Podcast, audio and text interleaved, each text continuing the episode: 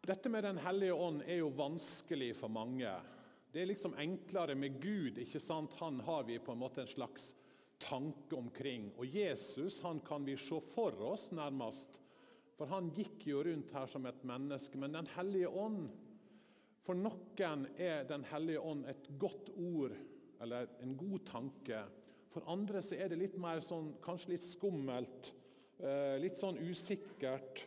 Kanskje en tenker tungetale, profetier. En tenker litt sånne ting som kanskje skremmer en litt, eller som en har dårlige erfaringer med. Og Det er ikke sånn at alt som har med karismatikk og med Den hellige ånd er på en måte enkelt eller har vært godt for alle. Og Noen syns dette her er kanskje best å la være å snakke om. Hvis du har et litt sånt forhold til Den hellige ånd, så håper jeg at denne preika skal hjelpe deg både til å slappe av, men også til å se litt mer av Den hellige ånd er avgjørende for oss som enkeltpersoner og som menighet. Uten Den hellige ånd så blir alt det vi driver på med, enten det er i kirka eller det er i våre liv, eh, det blir på en måte bare religiøse aktiviteter. Den hellige ånd er livgiveren. Det er han som skaper tru. Det er han som viser oss hvem Jesus er, og som taler til oss. Usynlig, selvfølgelig, og kanskje av og til nesten umerkelig. Av og til litt voldsomt, andre ganger bare med stille, eh, som en stille susen. Enkle tanker som han gir oss i våre hjerter. Hans Christian han hadde en tale om Den hellige ånd, om pinsa, som ligger ute på heimesidene våre på pinsedag, her rett før sommeren. Jeg skal ikke gjenta det han sa, for det var veldig bra. og Det var flott fordi det var på en måte en, en tale som dere gjerne må høre. Fordi den legger på en måte noe av grunnlaget og Så sa han det at når Jesus snakka om Den hellige ånd, så, han, så, brukte han et ord som på gresk er parakletos, og som har litt forskjellige betydninger. Men det betyr talsmann, det betyr hjelper, rådgiver, trøster. En som er sammen med oss. Usynlig, men som vil dra oss nærmere Gud, og som vil hjelpe og utruste oss til å dra andre mennesker nærmere Gud. Jeg syns det var et flott bilde på Den hellige ånd. En som vil dra oss nærmere Gud, og som vil hjelpe oss, utruste oss, rådgi oss, slik at vi kan være med og dra mennesket nærmere Gud. Og Dette er jo ikke noe overraskende på en måte det som skjer på pinsedag. fordi dette har vært profetert om i Det gamle testamentet. At en dag så skal Gud utgyde sin ånd over alle mennesker.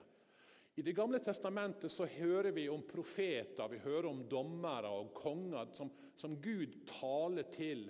Og så bruker han dem til å tale til folket. Og Så sier profeten Joel, slik som vi leste, eller som Kari leste i dag, at en dag, sier han, så skal Gud faktisk utgyte sin ånd over alle mennesker. Ikke bare sånne spesielle åndelige folk.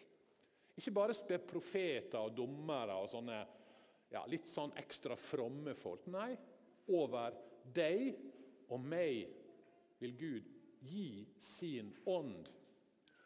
Og Det er dette som skjer på pinsedag. Og Det er det Peter også taler om når han begynner å tale om det som skjer her. Nei, sier han, dette er det som profeten har lovt i de siste tider. Så skal Gud utgyde sin ånd over ikke bare de spesielt fromme, men over den som tror på Jesus. Og Derfor tror vi at Den hellige ånd er midt iblant oss her, nå, når vi er samla til gudstjeneste. Og at han taler Gjennom sang, gjennom bønner, gjennom forkynnelse, gjennom ordet sitt. Men av og til bare gjennom ting han minner oss på, eller ord og tanker han gir oss. Han taler, han er midt iblant oss når vi er samla i hans navn. Når du sitter med en åpen bibel hjemme, eller når du ber, eller når du er med i gruppa, i husgruppe Når vi er samla sammen med Han, så er Den hellige ånd midt iblant oss. Pinsedag er ikke starten på Den hellige ånds gjerning. Det er litt viktig å si. Han er jo en del av treenigheten som har vært fra evighet. Det står jo når Gud skapte verden, at Guds ånd svevde over vannene. Guds ånd er på en måte en person i guddommen som har vært der hele tida. Men pinsedag er starten på kirka si tid, på Jesu nye gjerning, slik som han lovte disiplene. For Jesus, Før han dro herfra, så prøvde han å forklare disiplene hva som skulle skje. I Johannes evangeliet så sier han, i kapittel 16 så sier han, 'Jeg skal forlate dere'. Det er ikke rart at disiplene ble skikkelig redd, forskrekka, sørgmodige. De hadde liksom satsa hele livet sitt på Jesus. De hadde gått fra alt, de hadde forlatt alt og fulgt han. Tre år hadde de opplevd fantastiske ting, og så sier Jesus OK, nå skal jeg forlate dere. Og De blir skikkelig sørgmodige. Men så kommer det merkeligste verset i Bibelen. Eller ja, ett av de merkeligste versene i Bibelen. For Jesus han fortsetter, og så sier han dette. Men jeg sier dere sannheten, det er det beste for dere at jeg går bort. For dersom jeg ikke går bort, kommer ikke talsmann til dere. Men nå går jeg bort, da kan jeg sende ham til dere. Jeg tror disiplene må ha hørt liksom Hæ? Hørte vi rett? Sier han at det at han skal gå bort fra oss, forlate oss, er det beste for oss? Det var jo det verste som kunne skje i deres øyne, i deres tanker. Er liksom Jesus bare ute etter billig trøst her? Nei, han sier det er bedre å leve nå, etter at Den hellige ånd er kommet, enn å leve mens Jesus gikk her på jorda, og du kunne høre hans stemme og se han. Og Da begynner vi kanskje å ane hvor fantastisk det er at Den hellige ånd er midt iblant oss. At pinsa skjedde. Jesus han sier, 'Du som lever nå, du har et privilegium som mennesket før ikke hadde, for du har Den hellige ånd'. I Johannes 14 så sier han litt mer om dette. her. Jeg tror Det er viktig at vi hører hva Jesus sier om denne talsmannen, om Den hellige ånd. Han sier, 'Dersom dere elsker meg, holder dere mine bud.' 'Og jeg vil be min far, og han skal gi dere en annen talsmann, som skal være hos dere for alltid.' 'Sannhetens ånd, som verden ikke kan ta imot.' 'For verden ser ham ikke og kjenner ham ikke.' 'Men dere kjenner ham, for han blir hos dere og skal være i dere.' 'Jeg lar dere ikke bli igjen som foreldreløse barn.' 'Jeg kommer til dere.' Snart ser ikke verden meg lenger, men dere skal se meg, for jeg lever, og dere skal også leve. Den dagen skal dere skjønne at jeg er i min far, og at dere er i meg og jeg i dere.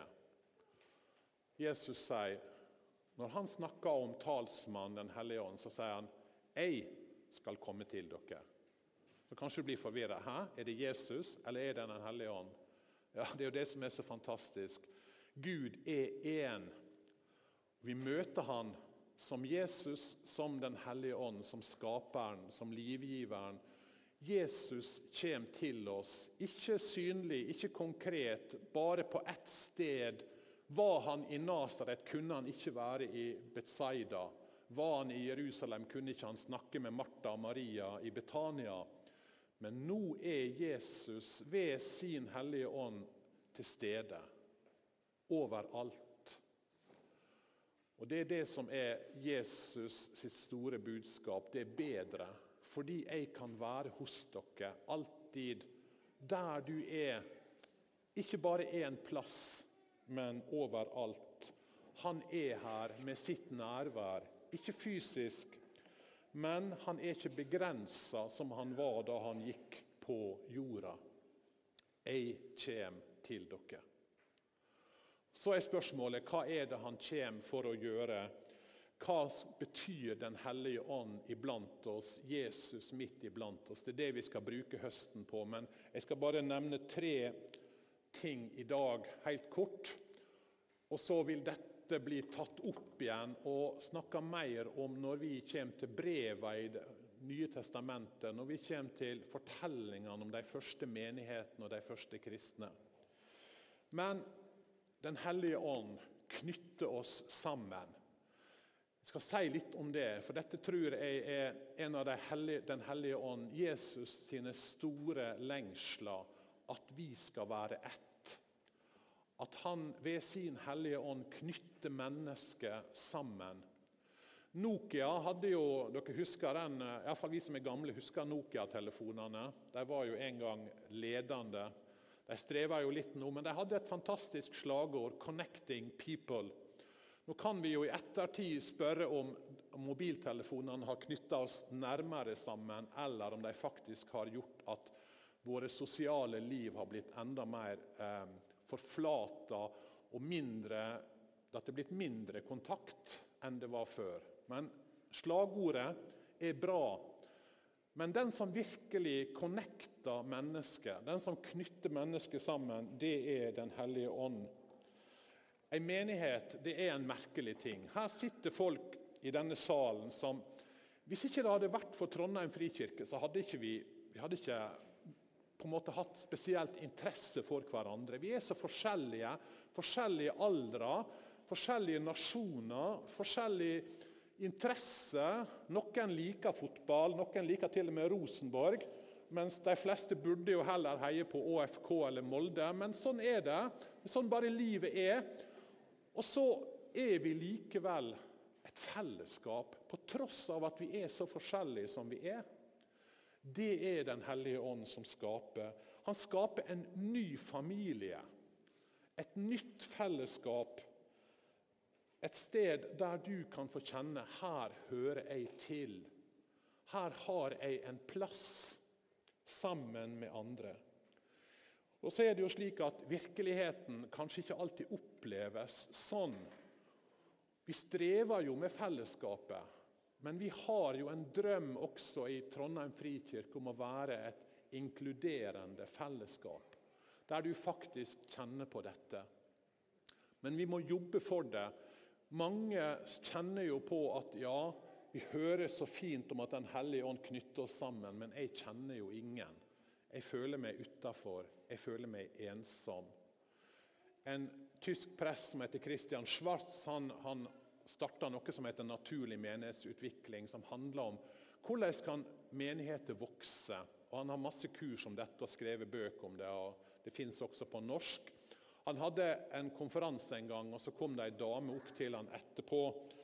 Og Så ville snakke litt med han både om kirkevekst, men så begynte hun å snakke litt om personlige ting. Og så sa hun jeg er med i ei levende og veksende menighet og har likevel følelsen av å være det mest ensomme mennesket i verden.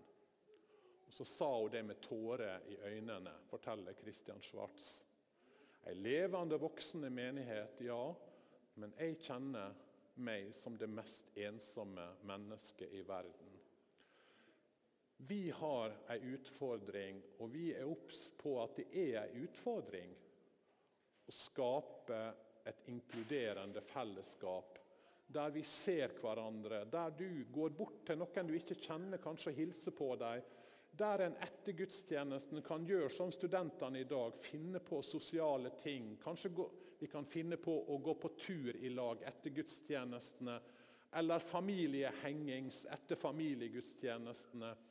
Eller sånn som de neste søndagene, at vi skriver navnene våre på en lapp og blir kjent og tenker hvordan kan jeg være med og gi? Hvordan kan jeg være med og se, slik at ingen kjenner at en er ensom? Vi må jobbe med dette, for Bibelen sier vi er søsken i trua. Vi hører sammen. Vi er et nytt fellesskap.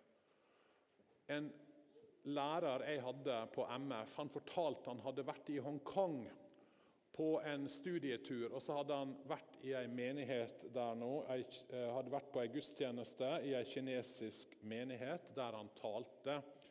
Og Etter gudstjenesten så var det en lang kirkekaffe. Og når liksom, disse nordmennene hadde vært der lenge, følte de, så skulle de på sightseeing rundt om i Hongkong. Og En annen en norsk misjonær tok han med på sightseeing rundt i byen flere timer. og Så kom de tilbake igjen til kirka fordi de skulle hente noe. Og Der satt alle andre fortsatt og Disse nordmennene de ble jo liksom skikkelig forskrekka. Hva er dette her for noe? Sitter dere her enda, liksom? Det var jo blitt søndag kveld. Og De kineserne de skjønte ingenting. Ja, men dette er jo vår familie, sa de. Dette er jo vår familie. Skulle ikke vi være sammen? Og Det er dette Den hellige ånd ønsker å gjøre. Knytte oss sammen, skape et nytt fellesskap. Prege av andre verdier enn det vi finner i samfunnet. Hør hva de første kristne gjorde. Alle de troende var ett i hjerte og sinn, og ingen regnet det de eide som sitt eget. De hadde alt felles. Ei enhet som er gitt, ikke bare fordi vi liker de andre eller vi syns de andre er så fantastisk spennende, men fordi Den hellige ånd gjennom trua på Jesus knytter oss sammen i et nytt fellesskap. Og Dette var jo det som prega, selv om ikke alt var idyll i den første kristne menighet, det skal vi få høre om, men det prega de første kristne på en måte som kanskje var utrolig attraktiv for mennesker rundt. Der er en, en forfatter en som heter Lukian av Samosata, eh, som skrev et stykke som heter 'Om Peregrinus død'. Dette skjedde på midten av det første århundret. Lukian han var en uh, hedning. Han skrev satirisk, ironisk. og Han skrev ironisk om de kristne. Han var altså en som ikke trodde på noen gud. Og Så skriver han om denne Peregrinus, som er en sjarlatan. Som er en, uh, en som later som han er kristen. Peregrinus later som han er kristen, og så oppsøker han de kristne. Og så er det ikke måte på hva hjelp han får fra disse kristne. Og slik handler de med alle, skriver Lukian. Hvorfor? Deres første lovgiver overbeviste dem om at de er søsken. Derfor betrakter de sin eiendom som felles. Deres første lovgiver, Jesus, overbeviste dem om at de var søsken. Det er det Den hellige ånd gjør han overbeviser oss om at vi hører sammen. Vi er søsken.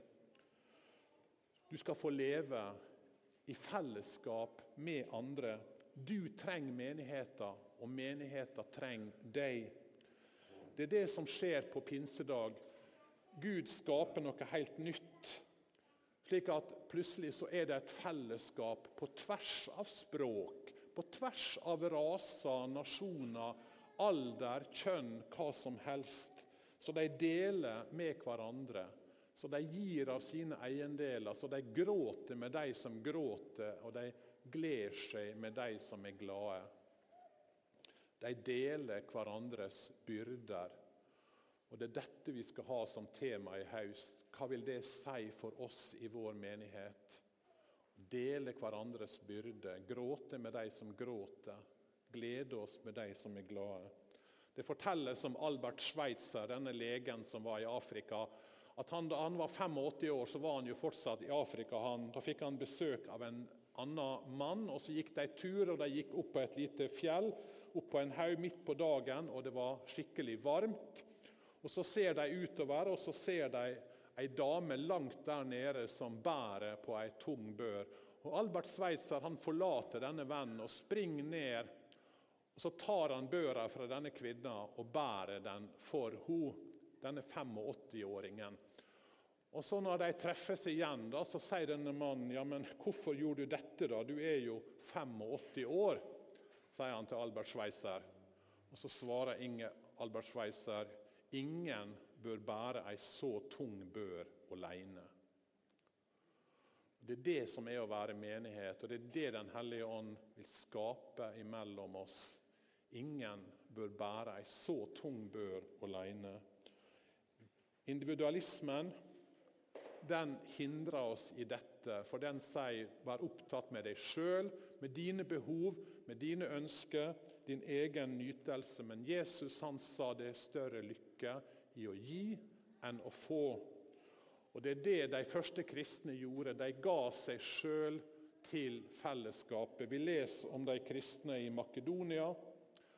De ga ikke bare slik vi håpet, det skriver han om pengene de ga, men de ga seg selv først til Herren og så til oss, slik Gud vil det. De overga seg til hverandre. Den hellige ånd. Vi trenger Den hellige ånd. Vi trenger å be Den hellige ånd om at Han må knytte oss sammen. Og så gir Han oss kraft til å være Jesu vitne. Skal si mer om det neste søndag. Men når Jesus forlot dem, så sa han dere skal få kraft når Den hellige ånd kommer over dere. Til hva? Jo, til å være mine vitner. Jerusalem, Judea, Samaria, like til jordens ende. Pinsedag er misjonens startdag. Å være hans vitne, like til jordens ende. Jesus skal være med oss. Han ønsker å gi oss et frimodig liv der vi kan være vitne for Han.